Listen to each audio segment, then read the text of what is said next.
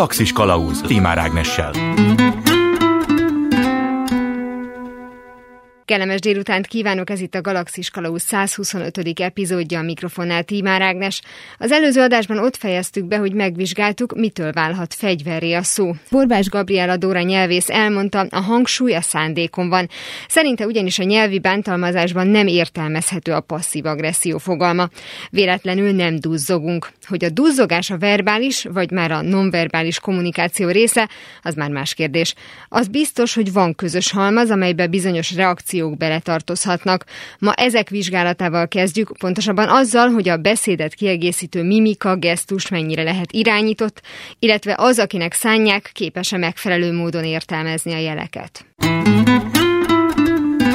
Első megálló a vonalban dr. Acél Petra kommunikációkutató van velem, jó napot kívánok!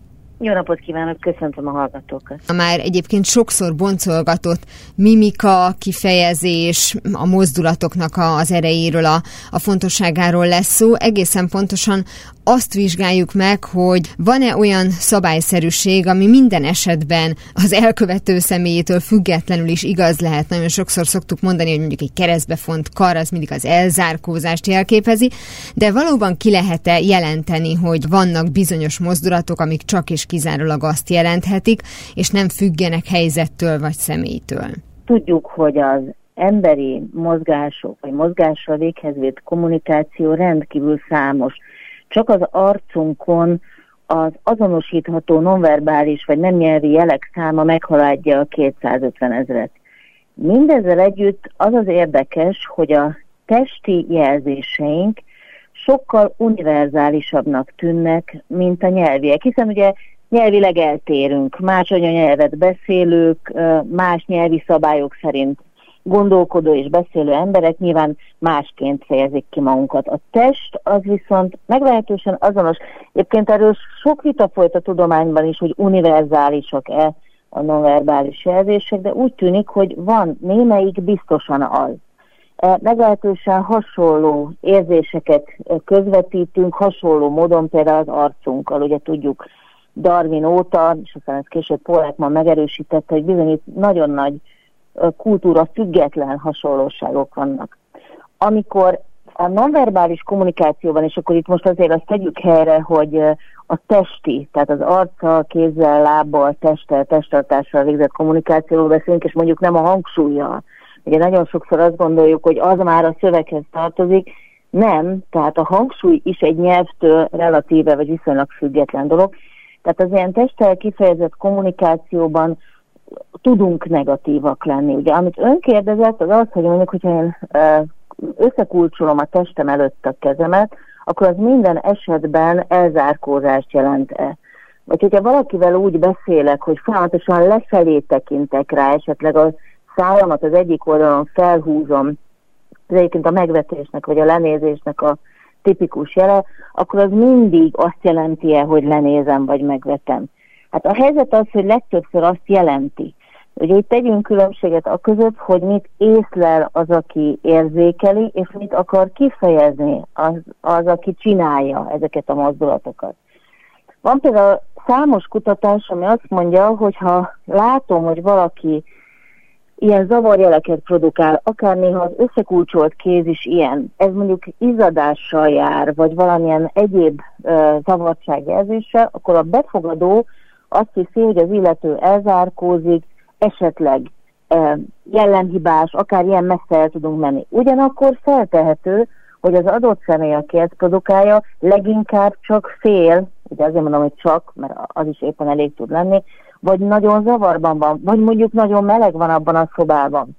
Tehát nagyon gyakran a befogadó a másik testi jelzéseit a jellemhez köti, és sokkal ritkábban a szituációhoz.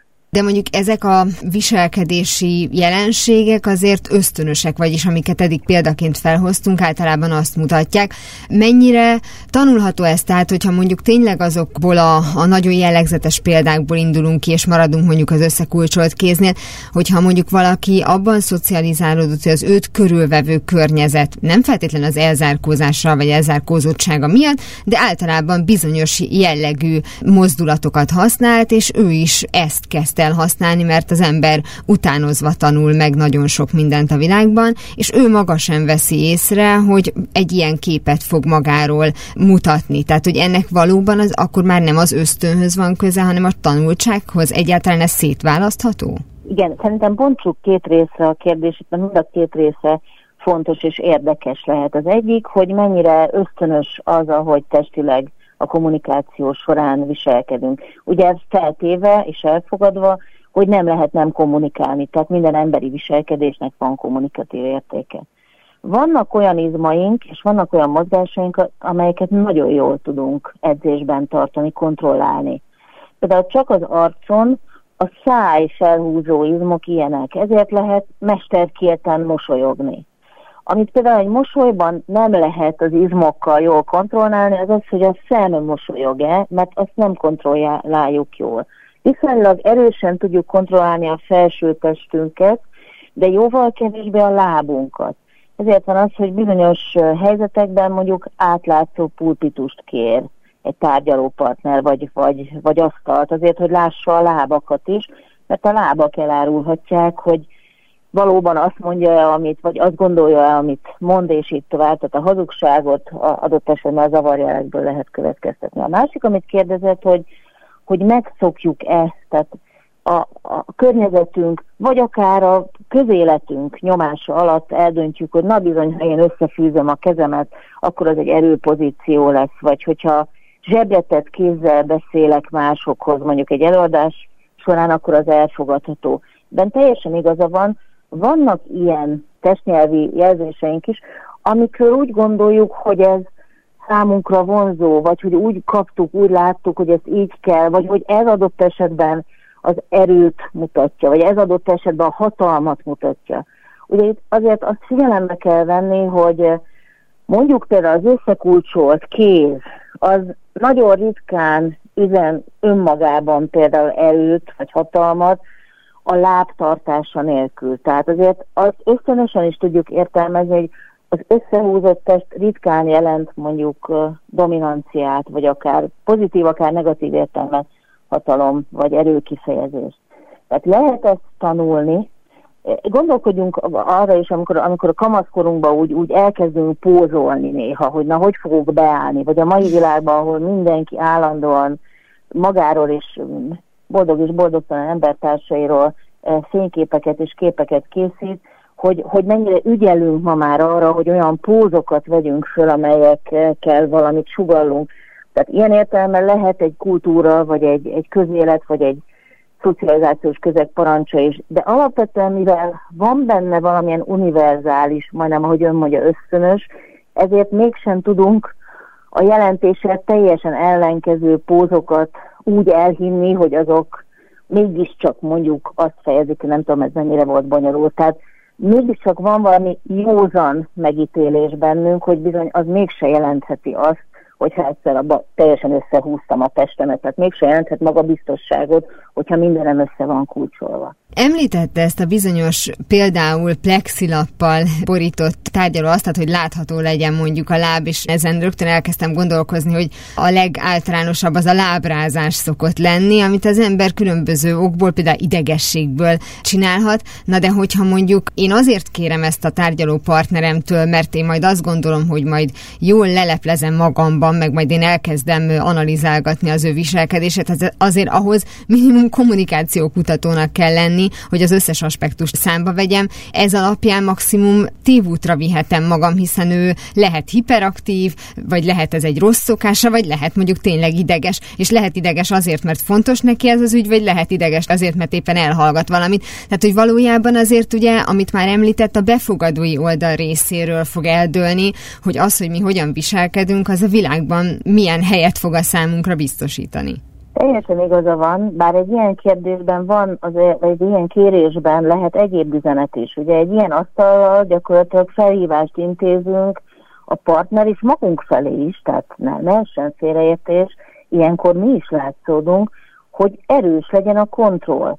Minden ilyen kontrollparancsnál, ugye, tehát egy kicsit azt üzenjük, hogy látni foglak téged teljes egészében, tehát te is kezd el kontrollálni magad Ilyenkor például, ami, ami ez nem kell nagy kutatónak lenni, hogy itt akkor hol lesz majd elszólás. Mert ugye ekkora, tehát ugye ilyen fegyelmezettségi szint mellett sokkal könnyebb a fegyelemből egy picit engedni. Kijön esetleg egy olyan mondat, amit a tárgyalópartner nem akart volna, elárulja esetleg azt a gyengeségét, vagy adott esetben azt a lehetőséget, amivel a másik tovább tud menni. Tehát nem biztos, hogy közvetlenül ezek a kérések arra szolgálnak, hogy, hogy mint kutató elmélyüljünk és rájöjjünk, hogy na hát vannak zavarjelei, vagy adott esetben éppen hazudik, hanem inkább arra vonatkoznak, hogy mennyire, hogy ebben a feszült helyzetben mennyire tudja kontrollálni magát, és hogyha elszólja magát, most ezt macska körömben is mondom, akkor, akkor milyen tekintetben szólja el. Tehát egy kicsit jobban lehet a, esetleg a, a lehetőség a ablakokat megtalálni, mondjuk egy tárgyalás során. De ha egy nyilvános beszélőről beszélünk, aki mondjuk fél, ott kifejezetten nagy kihívás, hogyha átlátszó pulpitust adnak neki, ugye? Mert uh, akkor a teljes testén látszik, hogy, hogy remeg a szoknyaszéle, vagy, vagy éppen a nadrág, hogy, hogy úgy tartja a lábát, és így tovább. Tehát ott nagyon sokszor tudatosan kérik a beszélők, hogy tömör legyen, ne legyen átlátszó, és így a támaszkodás és sok egyéb is rendben van. És ehhez képest képzeljük el a tech óriás cégeknek az első embereit, akik mindenféle pulpitus egy hatalmas üres színpadon oldottan mászkálnak, mintha tulajdonképpen a, a, a világ uraiként teljesen szabadon be tudnák járni a teret, és azt üzenik, hogy itt van, az, itt, itt, van, itt van a kezemben most mondjuk éppen ez az új készülék, amivel az egész világ meg fog változni, és az, a teljes testi kommunikáció és a testhelyzet is ezt mutatja. Ha már ezt említette, ez egyébként lehet pozitív értelemben visszaható? Tehát arra gondolok, hogy valakire éppen ez fog jó hatással lenni, hogy nem kapott semmi más, csak egy mikrofont a kezébe, és lényegében övé a színpad, azt csinál, amit akar, azt az érzetet keltik benne a szervezők, az ott ülő közönség, hogy tényleg őrán kíváncsiak, és minden mozdulatát, minden szavát elfogadják, és ez plusz önbizalmat fog adni, mint sem, hogyha beállítják mondjuk egy egy zárt pulpitus elé, ahol neki magának is az az érzése lesz, hogy itt őt jogosan rejtegetik legalábbis 50%-ban. Különös módon nem. Ez nem hat jól a magabiztosságra. Tehát inkább megfordítom, ha, ha lehet a kérdését. Vajon a lámpalázat tudom-e azzal csökkenteni, hogy nagy szabadságot adok az előadónak testi, a testi kommunikáció tekintetében? Nem, sőt növelem. A lámpalázat a leges legjobban nem az csökkenti, ha teret vagy a mozgás lehetőségeit megváltoztatom, hanem az, hogyha a fókusz az énről a másikra teszem, ugye egy kutató fogalmazott így nagyon szépen, hogy egyedül egy dolog segít a, a, igazán a lámpalázon, ha megszületik bennünk a nagyvonalúság, hogy a másikkal törődünk és nem magunkkal. Ez nem hely kérdése. Abban azonban teljesen igaza van, hogy vannak olyan testi jelzések, testhelyzetek, láb, kéztartások, testtartások, amelyek visszaadnak valamit a magabiztosságunkból. Nagy vita övezi ugyan, de Émi Kadi kutatásai igen nevezetesek ezen a téren, ugye ő dolgozta ki az erőpózoknak a sorát. Ha például szeretnénk erőt gyűjteni egy kommunikációs helyzethez, akkor, akkor nagyon sokat segít, hogyha előtte vagy közben olyan testhelyzeteket veszünk föl, olyan testtartást, amelyben magabiztosan foglaljuk el a nekünk járó teret a világban. Tehát egy picit szélesebb terpezben állunk, esetleg csípőre tesszük a kezünket, vagy kitárjuk a kezünket. Átvitt értelemben, ha megengedjük magunknak, hogy több helyet foglaljunk el a fizikai térből is, ez furcsa módon, ha például egy helyzet előtt így beállunk, tehát van valakinek mondjuk egy nagy kommunikációs kihívás előtte, mondjuk éppen interjút ad, vagy mondjuk éppen beszéltet, vagy mondjuk éppen tárgyalásra megy, és elvonul a mellékhelyiségbe, és beáll ezekbe a pózokba, akkor a vizsgálatok szerint ez bizonyítottan utána növeli, csökkenti a stressz ö, ö, érzetét, és növeli a magabiztosságát. Nem szignifikánsan, tehát nem nagyon-nagyon, de valamit segít. Ugye most már látom, hogy a, a tisztelt hallgatók esetleg mostantól kezdve folyamatosan erre használják a munkai mosdókat, legalábbis ha majd vissza lehet menni, de azért ebben tényleg van valami, tehát az, hogy az ember a testét hogy viseli, hogy a térben mennyit enged neki elfoglalni. Ezért van az, hogy a összekulcsolt kezek, az összeszorított pózok minden esetben a kevesebb hely miatt azt sugalják, hogy az illető nem mer, nem meri a helyét a világban igénybe venni. Tehát ebben biztos, hogy van valami hosszabb és rövidebb távon is. Ön szakértőként egyébként azt látja, hogy most már ugye például ezzel is sokkal több, hát mondjuk műkedvelő foglalkozik, és tudatosabbak vagyunk, mind a mozgásunkat, a mimikánkat illetően, mint pedig a másokét vizsgálandóan? Nem, én ezt nem látom. És elmondom, hogy miért nem, mert a nonverbális, tehát a nem nyelvi kommunikáció beleértve egyébként, még egyszer mondom, a hangi tényezőket, a dallam, a éveket, a szünetet, a hangsúlyt, a hangerőt, és így tovább tehát mindezt nagyon népszerű témának tartjuk, mert egy kicsit ezen a területen mindenki szívesen lenne kódfejtő, ugye? Tehát utaztam a buszon, láttam valakit, aki, mondja egy fiatalember, láttam valakit, aki a haját babrája, biztos ki akart velem kezdeni. Tehát ezek nagyon vonzó ítéleteket jelenthetnek, ha elolvasunk egy ilyen népszerű könyvet. Azt látom, hogy népszerű a téma. Azt nem látom, hogy a tudatosság szintje más lenne. És különös módon még a tudományokban, tehát például ha azt gondolnánk, hogy a nonverbális kommunikációnak kimagasló szerepe van mondjuk a, a terápiákban, tehát a, a, a pszichológiai terápiákban vagy kezelésekben, van természetesen szerepe, de, de messze nem olyan hangsúlyos, mint amennyire hangsúlyosnak gondoljuk a, a nonverbalitást a kommunikációban.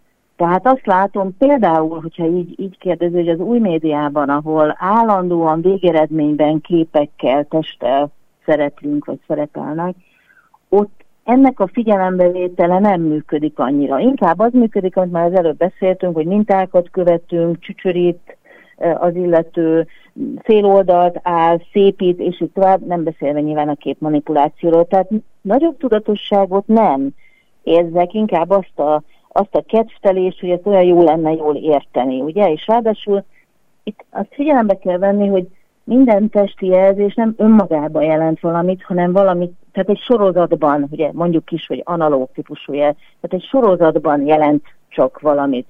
Azt a sorozatot nagyon hosszú ideig kell vizsgálni, nézni, hogy mekkora egységet jelent. Tehát azt, hogy én mondjuk félek, vagy én adott esetben elnyomó vagyok, és azért tartom így magam, és azért ilyenek a gesztusaim, azt nem egyetlen egy darab jelből, vagy egy kifejezésből, vagy egy kar mozdulatból fogom kikövetkeztetni, kutatóként sem, hanem egy sorozatvizsgálatából. Az a, az a fajta romantika működik még mindig a nem nyelvi kommunikáció, hát ha úgy tetszik, laikus sok számára megmutatkozó népszerűségében, ami tulajdonképpen az egész tudományágat jellemzi, hiszen tudjuk, hogy a hidegháború idején kezdték el nagy erőkkel kutatni ezt, amikor ugye a, a kémhálózatok vizsgálatán az adott kém leleplezésénél nagyon nagy szerepe volt annak, hogy a, amit mond, és ahogy mondja testileg, az mennyire kongruens, az mennyire függ össze, az mennyire erősíti a másikat. Tehát ugyanezt a, ezt az ilyen kódfejtő romantikát látom, miközben tudatosságot messze nem annyira, mint amennyire lehetne. És a tudatosságnak mondjuk azt a formáját, hogy tisztában vagyok azzal, hogy minősítenek engem, figyelni fogják azt, hogy hogyan viselkedem, tehát én már elébe megyek a problémának, és már előre szólok a, akár a tárgyaló partneremnek, akár a beszélgető társamnak, hogy nekem van egy rossz szokásom, hogy folyton törölgetem a szemhéjamat, de az nem azért van, mert unatkozom és álmos vagyok attól, amit mondasz, nem szeretném, hogyha megbántodnál, vagy azért ezt szintén nem, nem lehet tapasztalni az embereken. Ugye van a, a, az ilyen kommunikációknak egy nagyon-nagyon kontrollált szintje, amikor nagy, mondjuk nagyon magas rangú tárgyaló partnerek találkoznak, ott rendkívül szigorúan szabályozzák, hogy ki hova ülhet, ki kihez szólhat. De gondoljam bele a hétköznapi életben, hogy nagyon alapvetően nagyon ritkán beszélgetünk arról, hogy még egy céges megbeszélésen is, mondjuk nem, a, nem elsősorban a Covid idején, ott más, más dolgok, ugye az online térben más dolgok érvényesülnek, például a platformnak a szabályai, de hogy arról nagyon ritkán beszélünk, hogy miért így ülünk, vagy hogy miért ez a szó rendje, vagy az, hogy miért, hogy hogyan jelezzük, ha szólni akarunk, és így tovább. Tehát ezeket azt hiszük, hogy úgy is tudjuk. Tehát azért mondom, hogy ilyen értelemben nem, nem szerintem nem tudatos a, se, a, se a szervezeti, se a magánéleti kultúránk. De abban, abban igaza van, hogyha ha én tudom magamról, hogy valahogy viselkedem, vagy esetleg vannak zavarjeleim, és van bennem annyi magabírás, vagy magabiztosság, hogy ezt el tudom előre mondani, vagy tudok, merek rá reflektálni, ez már biztos, hogy tudatosságot jelent. Tehát ez azt mutatja, hogy én tudom, hogy ezt csinálom. Viszont azt is mutatja, hogy befejezni viszont nem tudtam. Tehát megragadok ott, hogy esetleg önironikusan reflektálok rá, hogy hát én sok tollat török el minden megbeszélésem, mert ugye ez egy zavargesztus, és akkor ezen jót lehet nevetni, hogy ezt tudom magamról, de hát mégiscsak eltöröm azokat a szerencsétlen tollakat. Tehát ebben az értelemben egy öntudatosságot növel, de, de nem biztos, hogy változáshoz vezet, és ugye az a jó, ha változáshoz tud vezetni. Csak azért azt vegyük figyelembe, hogy ezek tünetek elsősorban, nem, nem önmagukban kezelendők. Tehát éppen úgy, ahogy az állatokkal való kommunikációban is nem a, nem a jelet kezelem, hanem az okát ezeknek az okát kell nyilván elsősorban tudatosítani, és aztán azokon változtatni. Nagyon szépen köszönöm dr. Acér Petra, kommunikációkutatónak, hogy mindezt elmondta nekem. És köszönöm. 42. Mihez tudjátok, hogy mi a kérdés, érteni fogjátok a választ is. Ahogy minden mozdulat felfogható egy jelnyelvi kifejezésnek, úgy rengeteg dolgot mondhatunk el a tánccal. Nem mindegy persze, hogy melyik tánccal és mit akarunk közölni. Ahogy az sem, hogy ki az, aki használja ezt a különleges nyelvet. A következő interjúban többek között arról lesz szó, hogy a tánctanulásban mikor jön el az a pillanat, amikor már meg tud mutatkozni a táncos személyisége. Második megálló a vonalban Kárász Eszter színész tánctanár van velem, szia! Szia! És most az utóbbi minőségedben kérdezlek, mert hogy a műsornak itt a közepén azt vizsgáljuk, hogy vajon a tánc az utánzásból indul-e ki, és aztán egy kicsit részletesebben is megnézzük, hogy ez egy jogos felvetés a részemről? Én azt hiszem, hogy, hogy jogos is, meg, meg talán nem is. Sokféle tánc van. Én jártam Kokas Klárához még gyerekkoromban, és ott a zenével és a festészettel teljesen egyenrangúan kötöttük össze a táncot. Akkor én 5-6 éves voltam, és aztán később felnőttként is visszamentem hozzá, és, és konzultáltam vele szakdolgozatom ügyében, amikor a művészetterápiáról írtam a szakdolgozatomat, és és nagyon máshogy láttam, amikor gyerek voltam, és nagyon máshogy, mikor felnőtt. De alapvetően gyerekkoromban természetesen az, az utánzásból indult ki a minden mozdulat és minden táncmozdulat. És aztán felnőttként én tanítottam argentin tangót, ami, ami szerintem egy nagyon életre fölkészítő tánc, vezetésből és követésből áll, és, és, és egy párnak teljes összhangban kell lennie egymással is, a zenével és saját magával is. És, és ott, ott nagyon sokat segített az, amikor amikor tudtuk használni az utánzást is, illetve tudtuk használni azt, hogy hogyan születnek a mozdulatok saját magukból az emberekből, mert a tánc ez olyan, olyan helyekre tud bemenni, és olyan mozdulatokat tud megszólítani valakiben, ami, amit talán ő maga se tudott, hogy benne van, és ez nagyon-nagyon izgalmas volt figyelni tanárként, hogy teljesen civilekben, vagy még soha nem táncolókban egyszer csak megszületnek ezek a mozdulatok. Hamarosan folytatódik a Galaxis Kalausz benne az interjú Kárász Eszter színész tánctanárral. Galaxis Kalauz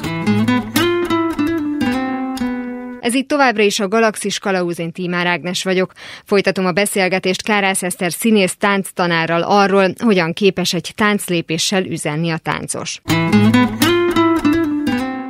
Azt lehet mondani, hogy az alapja mindenféleképpen az kell, hogy legyen, hogy elsajátítottunk egy mozdulatot, amit valaki megmutatott nekünk, azt mi leutánoztuk, megtanultuk, és aztán majd erre épül a dolog. Tehát, hogyha most a, a, a színészhez fordulok, akkor ott arra azt szokták ugye mondani, hogy, hogy a biztos szövegtudás az alap, és, és onnantól indulunk csak tovább, hogy itt is valami ilyesmiről van szó. Azt hiszem, hogy abszolút. Isadora Benkel mondta valahol, nem tudom egészen pontosan idézni, csak a gondolatot, hogy először tökéletesen el kell sajátítani valamilyen technikát, tökéletesen el kell tudni utánozni, tökéletesen be kell vinni magunkba, és utána tudunk improvizálni vele, utána tudjuk a saját egyéniségünkre szabni.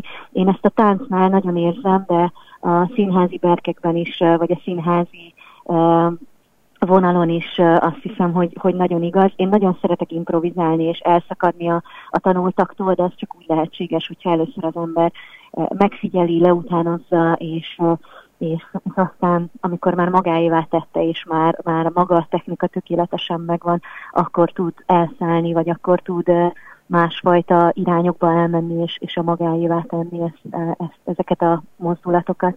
És hát nekem van két kis gyerekem is, akik mondhatom, hogy előbb táncoltak, mint, mint jártak, mm. és abszolút azt láttam, hogy én nagyon, nagyon sokat zenéltem, és táncoltam, és énekeltem nekik otthon, és, és még mindig előtt, most már kamaszok, de még mindig előttem van az a, az óriási csodálkozó tekintetük, ahogy próbálják minden, minden izében leszedni azokat a mozdulatokat, vagy azt a, azt a táncolást, amit én otthon csinálok talán ugyanez igaz volt az énekléssel is. Nagyon figyelték, hogy hogyan képzem a hangokat, és hogyan, hogyan ö, ö, működik ez nálam, és, és hát az egy csoda volt nézni, ahogy itt szépen megpróbálták utánozni, aztán egyre jobban ment nekik.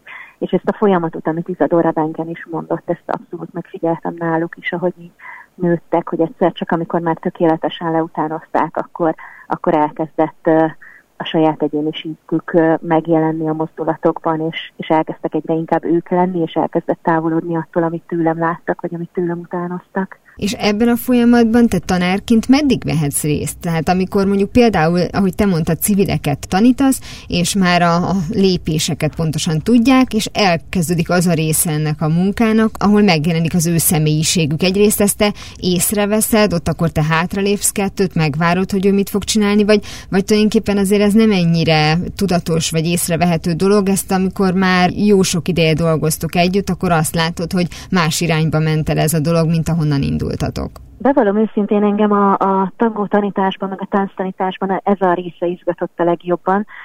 Tehát meg kell tenni az első lépéseket, amikor megmutatom, amikor megpróbálják minél pontosabban leutánozni, de ami, amit igazán nagyon szerettem, és ami a legizgalmasabb része volt, az az, amikor amikor már, már átütnek ők a mozdulatokon, és, és amikor elkezdenek már, már, már egyénibb lépéseket tenni. Én nagyon szeretem, és én szoktam is bíztatni őket. Én az argentin tangóban azt szerettem a, a, a legjobban, hogy, hogy úgy jó, ahogy, ahogy azt csinálja, aki éppen csinálja, hogy persze van egy ilyen elképzelés, hogy, hogy milyen az igazából, de, de ahogy, ahogy Argentinában is nagyon sokféleképpen táncolják, vannak akik az utcán, és akkor emelgetik a lábukat, és kándzsengéznek, van, vannak akik a, a báltermekben és akkor magas sarkú cipőben, és, és csúszik a lábuk a parketten, és nem emelik fel egy pillanatra se, tehát nagyon különböző technikák élnek ott is. Én, én, én nagyon szeretem benne azt, hogy ez úgy jó, ahogy van, én például soha nem tudtam igazán kinyújtani a térdemet, ez egy ideig nagyon idegesített, aztán amikor rájöttem, hogy vannak olyan, olyan argentin tangó táncosok, akik egy kicsit hajlított lábbal táncolják ezt a kanjenge stílust, akkor megszerettem azt, hogy én ilyen vagyok, és így táncolok jól, ahogy én vagyok. Tehát a tangó nagyon alkalmas arra, hogy az ember belevigye a saját személyiségét és a, és a saját életét, ami átüt a mozdulatain, és én, én bíztattam is erre a tanítványaimat, hogy amint, amint megszületett az a az a pillanat, hogy már, már leutánozták, és már, már tökéletesen meg tudják csinálni azokat a lépéseket, amiket tanítottam, akkor bátran engedjék azt, hogy, hogy áttüremkedjenek ezeken a mozdulatokon, és tegyék a magukévá, és legyen olyan, ami, amilyen senki másé. Én a táncban is, és bármilyen művészetben abban hiszek, hogy, hogy mindenki egyéniség, és mindenki valami olyat tud mutatni, amit senki más nem, ami, amit csak ő tud hozzátenni a világhoz. És, és azt hiszem, hogy ez, ez már az a lépcsőfok, amikor, amikor már leutánoztuk, megtanultuk, és utána megmutatjuk, hogy, hogy mi ezt hogy tudjuk lépni, vagy hogy ezt a mozdulatot mi hogy tudjuk kivezetni, és, és akkor olyat mutatunk, amit senki más nem. Nem is kell versenyezni, nem is hiszek a művészetekben a versenyzésben, vagy a, a konkurenciában, mert, mert azt a mozdulatot senki nem fogja úgy megcsinálni, ahogy én, és én sem fogom tudni pont úgy megcsinálni, hogyha igazán egyénien csinálom, ahogy valaki más, de mindenki tökéletes, mert mindenki saját magát mutatja meg ezekben a mozdulatokban. Ugye egy ilyen tanítási folyamat, vagy akár már maga a gyakorlás, ami utána következik, az több hétig, hónapig, évig eltarthat, tehát megismered tulajdonképpen valamennyire a személyiségét a tanítványaidnak. Vissza is köszön az, hogyha elindul valamiféle önálló útra az ő mozgásuk, akkor az kompatibilis a személyiségükkel, tehát olyan módon változik az a bizonyos mozdulat, ami azonos az ő személyiségükkel, ahogy megismerted őket? Azt hiszem, hogy ez oda is, meg vissza is igaz. Tanítványaimnál is láttam, de hát, hogy, hogy egy kicsit közelebb lépjek, én saját magamnál is láttam, amikor én találkoztam az argentin tangóval, 15 vagy talán most már lassan 20 évvel ezelőtt, akkor akkor egészen más életszakaszban voltam, én egészen más milyen voltam, és elkezdtem tanulni magamról a tangón keresztül. Elkezdtem tanulni arról, hogy mennyire figyelek oda a partneremre, hogy mennyire hagyom, hogy vezessen, hogy mennyire akarom én eldönteni minden áron, hogy már pedig most milyen lépés vagy milyen mozdulat jön. És elkezdtek ezek finomodni, és hogyha megnézek régi-régi felvételeket magamról, ahogy táncolok, és aztán megnézek mostaniakat, ha megnézem a legutóbbi felvételeket, akkor egészen más más stílus ütközik át, nagyon sokat finomodtam én magam is, és szerintem ez nagyon izgalmas folyamat végignézni, ahogy a tanítványok is jönnek valamilyen elképzeléssel, és aztán szép lassan az ő egyéniségük is átütközik a mozdulataikon, illetve a mozdulatok visszahatnak az egyéniségre. Én magamról biztosan tudom mondani, hogy rengeteget változtam a, a tánc által, és, és sokkal elfogadóbb lettem magammal is, a világgal is, sokkal sokkal finomabb és lágyabbak lettek a mozdulataim, és, és maga a viselkedésem is, vagy a, vagy a világ felé mutatott mozdulataim, vagy, vagy tetteim, úgyhogy ez oda-vissza működik. Kárász Eszter, színész, tánctanár volt a vendégem. Köszönöm szépen, hogy ezeket Köszönöm elmondtad. Szépen. Ha a számításaim helytállóak, amikor eléri a 88 mérföldes sebességet, csodát fogsz látni, fiú! Ahogy az interjúban elhangzott, Kárász Eszter a művészet versenyeztetésében nem hisz. A képesség, a tehetség megmérettetése talán más. Legalábbis ebben bízhatnak a kereskedelmi tévécsatornák, ha végignézzük egy-egy tánc vagy ének tematikájú műsorukat. A következő beszélgetésben többek között azt vizsgáljuk, vajon miért nézzük szívesebben, ha valaki énekel, mintha táncol. És egyáltalán van-e jövője a mostanra maratoni hosszúságúra nyújt hírességprodukáltató műsoroknak? Harmadik megálló. A vonalban László Ferenc kultúrtörténész kritikus van velem. Jó napot kívánok! Jó napot kívánok! Annak idején volt azt hiszem, hogy talán csak egy műsort ért meg egy olyan tehetségkutató, ahol táncosokat kerestek, annak nyomán, hogyha már énekeseket szeretnek mustrálgatni a nézők, akkor biztos táncosokat is szeretünk, és aztán az lett a tapasztalat, hogy nem. Tehát, hogy talán egy évad lement belőle, és úgy rájöttek, hogy az emberek nem szeretik ezt nézni, hogy itt most az a kérdés, hogy, és azóta rengeteg különböző típusú táncos műsorral például találkozunk, hogy itt arról van szó, hogy maga a forma a lényeg, vagy a tánccal van valamiféle probléma, mert hogy ez olyan, mint a karaoke, hogy csak az élvezi, aki csinálja. Tehát, hogy a köntös a, a fontos, vagy az, aki benne van a tévé esetében? Azt hiszem, hogy a műsor, amelyre utalta megatánc lehetett, ami valamikor a 2000-es évek közepén, ha jól emlékszem, két e, szezont is megért, és valóban összehasonlíthatatlanul kevésbé volt sikeres, mint a Megasztár. E, de azt gondolom, hogy általában a táncos jellegű műsorokkal kapcsolatban, és úgy globálisan is furcsa lenne, hogyha a közönség igényekből vezetnénk le a műsorpolitikát, a magyar televíziózás szokásainak alakulását. Kicsit olyan lenne, mint hogyha a monopolkapitalizmust a proletariátus érdekének a kifejezéseként próbálnánk értelmezni. E, vagyis, hogy az, hogy milyen fajta műsortípusok jelennek meg a magyar televíziózásban, és hát ez nem csak a magyar televíziózásra igaz természetesen, az korán sem elsődlegesen abból magyarázható, hogy a közönség mit igényel. De hogyha mégis magyarázatot keresnénk arra, hogy az énekes produkciókkal ellentétben a táncos produkciók miért jutnak kevesebb térhez a magyar televíziózásban, arra azért adható egy, mondhatni, kétfenekű e, magyarázat.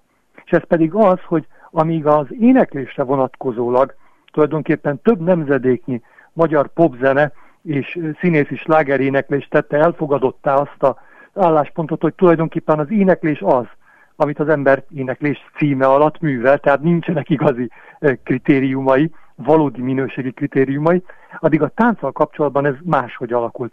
Ugye a tánc, akár a tánciskoláknak a kihalását említjük itt, akár a színészi táncképességnek a hanyatlását, ami ugyancsak több nemzedékre visszavezethető. Tulajdonképpen a tánc az egy olyasfajta perifériára került, amit csak többé-kevésbé elismert hozzáértők művelnek.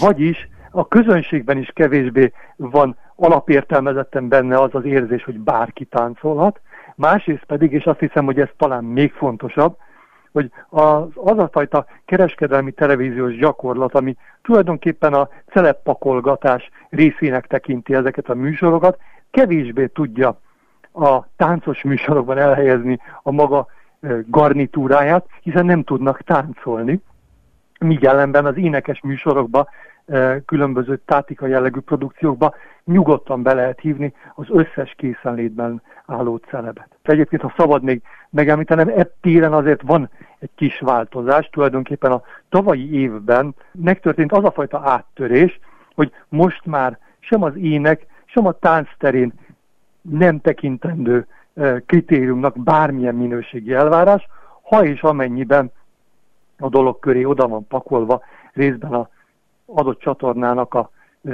bulvár és média garnitúrája, részben pedig lehetővé van téve a közönségnek, hogy mintegy a nívótlanságon szórakozzon. Igen, hát erre a részre mindenképpen szeretnék kitérni, de akkor visszatérve az eredeti felvetésre, hogy akkor miért inkább az énekes és miért kevésbé a táncos produkciók, nevezetesen, hogy mindenki tud énekelni, legalábbis a zuhany alatt, táncolni viszont még otthon se nagyon szokott a, a konyhába, tehát hogy az nem annyira szórakoztató, és éppen ezért valószínűleg nézni sem.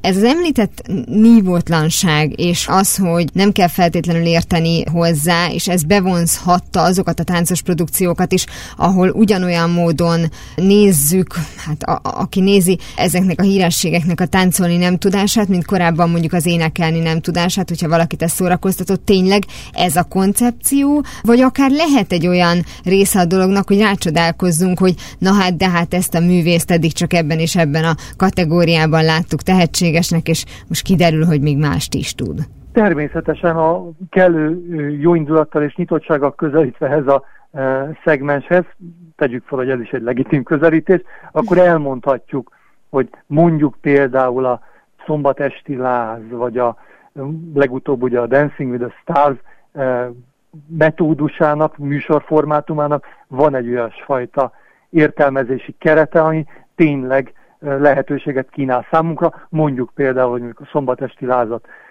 említsük, hogy rácsodálkozunk, hogy hogyan táncol udvaros Dorottya. Ugye ennek valóban annak, azokban az években, a 2000-es évek elején volt egy revelatív mozzanata, hogy igen, rácsodálkozunk, hogy bár színész tud táncolni. Ugye már ez a megfogalmazás is jelzi, hogy mennyire kikerült a tánc tulajdonképpen még a profi színpadi létezőknek is az alapmóduszai közül. De ezzel együtt is azért túlzásnak érezném, hogyha arról beszélnénk, hogy valamiféle nagy áttörés kínálkozik a legkülönfélébb hírességek, celebek és a tánctudás valóban érdemi összekapcsolására. És azt a tendenciát el lehet mondani, hogy ma már tényleg csak az a cél, hogy minél több ismert nevet, ismert arcot hozzunk össze egy két órás műsorba, semmint, hogy tényleg legyen valami tartalmas, szórakoztató jellege, és itt most semmiképpen nem mondjuk azt a szintet gondolnám, hogy akár mondjuk ismeretterjesztő legyen a dolog, ez fel sem merült bennem, de hogyha megnézzük azokat a nagyon régi külföldi példákat, aminek ugye a licenszét megvásárolta Magyarország hogy? még 20 évvel ezelőtt, ott azért ugye nyilván abból állt a műsor, hogy az adott műsornak, ha megnézzük, megnézzük, akkor maximum az egyharmadát tette ki a tényleges táncprodukció. A többi az arról szólt, hogy ő megvalósította a zsűri minden egyes tagja, hogy kis interjúk készültek a résztvevő művészekkel. Tehát tulajdonképpen például mondjuk a tánc, vagy mondjuk akár az énekes produkciók is, bármi csak a, a maga produkció, az háttérbe szorult, és volt egyfajta valami, legalábbis egy beszélgetős tartalom is, hogy talán most már ez sem annyira van jelen, mert ezek is rövidre vannak szabva, és csak az a lényeg, hogy pörögjön minél több név, lássunk minél több ismert arcot. Lehet, hogy csak az én időérzékelésem túlságosan szubjektív, de a, én ezekben a műsorokban, amiket, amikről beszélünk, a legújabbakat is ideértve, ezt a pörgést kevésbé érzem. Én inkább azt érzem, hát hiszen ezek lassan most már három és fél négy órára terjedő műsorok kis túlzással, hogy nagyon is a dolognak a habosítása, az, az tulajdonképpen teljes fordulatszámon pörög, és voltak éppen egyetlen egy célt szolgál ez a, az egész metódus, hogyha most a, a dolognak a kimeneti részét nézzük, és ez pedig az, hogy a adott csatorna a saját szelepkészletét részben folyamatosan újra pörgeti, részben minimálisan új tagokat rekrutál ebbe a körbe, és hát ezek a celebek ugye hol zsűri tagként jelennek meg, hol szereplőként, hol versenyzőként, és tulajdonképpen ez szinte a permutáció szabályának megfelelően ha jól használom ezt a matematikai kifejezést, hogy a permutáció szabályának megfelelően mint csak egy ilyen, egy ilyen variációs készletként kínálkozik az adott csatornák számára, és hát a közönség pedig, aki hát sokkal jobban megtanulta a tévénézést, mint a tévékészítők a műsor készítést, közönség más nagyon nem tehet, mint hogy nézi az ilyen műsorokat, és megtalálja benne azt a kicsi szórakozását, amit hát nyilvánvalóan a viszonylag minőségi zenék rossz előadása, vagy a ismeretes táncoknak a jól vagy rosszul való teljesítése még mindig képes adni számukra. Ez teljesen egy valóságtól elrugaszkodott elképzelés a részemről, hogyha arra gondolok, hogy megjelenjen mondjuk egy olyan szándék ezekben a műsorokban, hogy valamiféle ismeretet mégis terjesztenek, mert hogy persze a kereskedelmi csatornának nem feltétlenül ez a feladata, hogyha ő szórakoztató műsort akar előállítani, ez a közszolgálatinak lenne a feladata, de én emlékszem, hogy amikor elindult például mondjuk a szombatásti láz, akkor legalább annyi szándék volt benne, hogyha azt mondták, hogy akkor a tangó lesz a következő műsor, műsorszám, akkor legalább elmesélték a tangónak a, a történetét, ami szintén nem magas szintű, de legalább valami. Magam ugye kritikusként, mint aztán kiderülhetett, kemény ostorozója vagyok a kereskedelmi televíziós gyakorlatának, de bevallom őszintén, hogy pusztán a realitással számot vette, nem nagyon látok esélyt arra, hogy akár mondjuk ilyesfajta információ átadás, ismeretterjesztésnek szerepe lehessen a showműsorokban, ugyanis látni kell, hogy a dolognak a metódusa úgy működik, hogy az összes e, idézőjelben felesleges mozzanatot e, kipörgeti e, magából, leveti magáról, már pedig ugye az, hogyha e, lenne egy 5 perces szegmens arról, hogy mi az a passzodoble, e, az tulajdonképpen kárba veszett időnek tűnne, egyrészt mert feltételeznék, hiszen mindig a nézőről a legrosszabbat kell feltételezni, hogy a néző ez alatt elkapcsolna. Ugye ilyen kockázatot nem szabad vállalni, ugye mindig a legkisebb kockázattal működik egy kereskedelmi televízió. Másrészt pedig azzal, hogyha valaki elmondaná, hogy mi is az a passzodoble, azzal elvenni az időt a celebektől, hiszen véletőleg ezt nem ők mondanák el.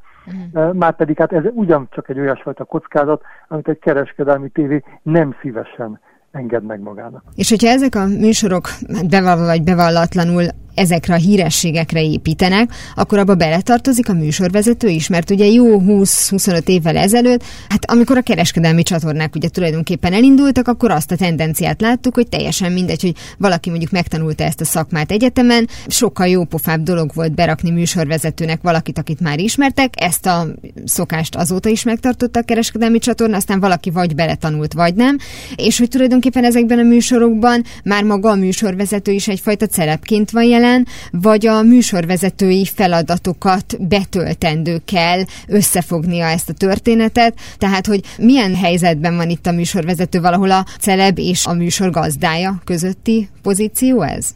Hát tulajdonképpen e tekintetben nagyon segítenek bennünket az adott csatornáknak a mondjuk úgy magazin jellegű műsorai, eh, vagy éppenséggel a, a bulvárheti lapok és eh, napilapok. Ugye, hogyha eh, más funkcióban látnánk a műsorvezetőket, mint a celebeket, akkor azt mondhatnánk, hogy ezek a szerepek elválnak egymástól, de hiszen nem erről van szó. E, és hát láthatjuk, hogy a műsorvezető kiválasztás gyakorlata az tulajdonképpen ugyancsak, tulajdonképpen még a, a normál szereplőknél is szigorúbban celeb szempontoknak szokott megfelelni, hiszen e, ugye máskülönben mondjuk e, Stúl András nem találtuk volna a legkülönfélebb jellegű műsoroknak már műsorvezetője gyanánt, mert hiszen Arika feltételezhető, hogy egyforma műsorvezetői készséggel és rutinnal, ismerettel rendelkezik énekes műsorban és riportműsorban. Hova van innen tovább? Följebb vagy lejjebb? Tehát, hogyha most ezt a műsor típust nézzük, azzal, hogy az emberek többsége is most már egyre inkább akkor néz tévét, amikor neki van kedve, ugye a streaming szolgáltatókról nem is beszélve, tehát ezek a maratoni hosszúságú esti showműsorok, amiben egyébként van bőven kiállás akár a reklám miatt is például, ezek fenntarthatóak sokáig? Én azt hiszem, hogy erről a nálamnál alatottabb televíziógyi szakemberek is törik a fejüket, hogy tulajdonképpen azzal a változással, hogyha valaki már minőségi tévéműsort, egy filmet, sorozatot akar nézni, akkor az többnyire nem a televízió műsorán keresi azt, hanem az interneten. Most tehát így ez a változás mit hoz a televíziózásban, azt hiszem, azt a világ egészen sok táján az adott csatornák szakemberei kutatják. Számunkra az nyilvánvaló, hogy ennek a, ennek a megfejtése nem Magyarországon fog megszületni. Mi majd abból fogunk értesülni, hogy milyen újabb licenszeket hoznak el hozzánk, és hát látható, hogy etéren a legelszálltabb ötletek is eláraszthatják a képernyőt, ha is amennyiben a magyar illetékesek úgy tudják, hogy ez a nemzetközi trend.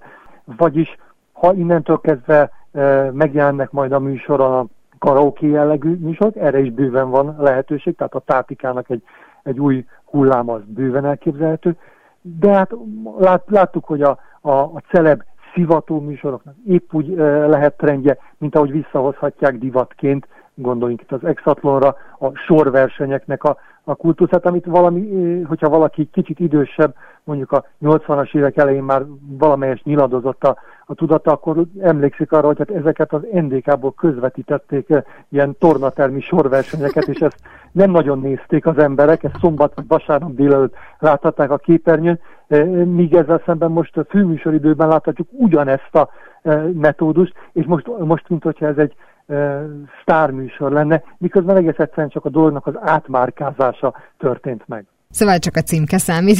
Nagyon szépen köszönöm László Ferenc kultúrtörténész kritikusnak, hogy mindezt elmondta. Én köszönöm. Totó, azt hiszem már nem Kenzeszben vagyunk. Mára ennyi volt a Galaxis Kalauz. Jövő héten ugyanekkor ugyanígy az online térben találkozunk, tartsanak akkor is velem, velünk.